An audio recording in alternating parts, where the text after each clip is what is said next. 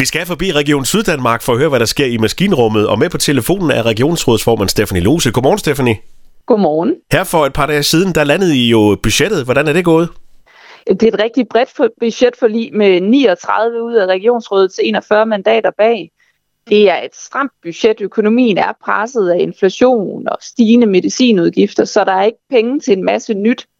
Men jeg glæder mig over dels, at vi ikke skal ud og spare, som man ellers skal i mange kommuner og regioner rundt omkring, og dels, at øh, der bliver plads til at sikre øh, stadigvæk fuld blus på at afvikle de her lange ventelister, som der jo desværre er for mange patienter, der stadigvæk støder på, og mulighed for også at prioritere vores psykiatri, hvor der jo er kæmpe store problemer med både rekruttering og fastholdelse og rigtig mange patienter. Så jeg, jeg er glad. Det er en glad regionsrådsformand, der landede budgettet. Det kan jeg godt forstå. Her til næste år, der skal Region Syddanmark jo til at varetage lægevagten og om natten. Øh, prøv at fortælle lidt om det.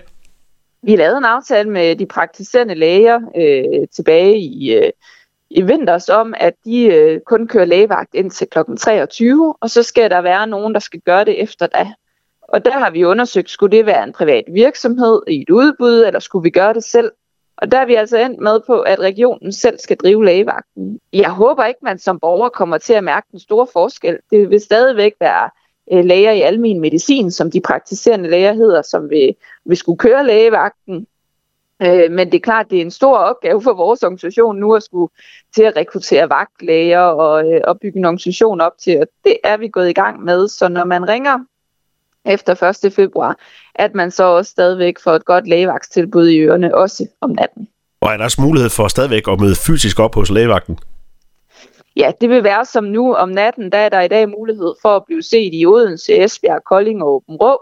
Og så kan der være sygebesøg, og det kan være den praktiserende læge, som man kender det i dag. Og så planlægger vi faktisk også at supplere med, at vores akutbiler med paramediciner nogle steder vil kunne tage på sygebesøg.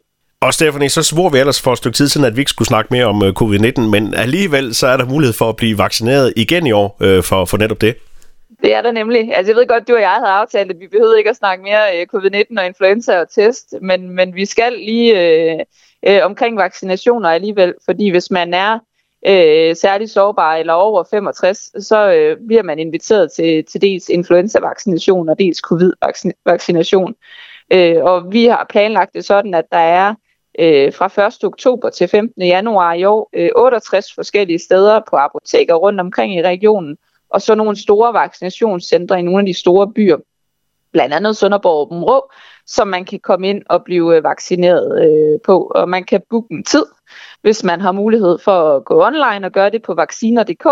Og ellers så kan man ringe ind på den hotline, der er et nummer på i det brev, man får, øh, enten digitalt eller fysisk om vaccination, og få bestilt en tid. Sådan. Der skal også øh, lidt mere fokus på behandling af, af angst og depression i regionen. Vi ved jo desværre, at der er rigtig mange, øh, der døjer med, med symptomer på angst og depression, og, og vi kan se et stigende antal. Samtidig så er der øh, ventetid på psykologer og hos øh, psykiater. Og øh, det er faktisk et af de områder, hvor vi har prøvet at gå nye veje, og over en årrække har udviklet det, vi kalder internetpsykiatrien, som startede i Syddanmark og siden er blevet la- øh, landsdækkende. Og nu er tilbuddet så øh, en fast del af vores øh, øh, sundhedstilbud, hvor at man online kan blive behandlet for let til moderat angst og depression. Og 80% af de patienter, der gennemfører forløbet, der, de får det, får det faktisk øh, bedre og synes, det er et rigtig godt forløb. Og det er så det, der er baggrunden for, at vi nu siger, nu øger vi kapaciteten, der så endnu flere af dem, der har brug for øh, behandling, de vil kunne komme i, øh, i behandling i internetpsykiatrien. Øh, og det, det håber vi sådan set vil gøre en forskel på, for tilgængeligheden til behandling, når man, når man er i den her situation. Det er lidt om, hvad der sker i Region Syddanmark. Det var regionsrådsformand Stefan Lose. Tak for snakken og god dag. Ja, tak og lige måde.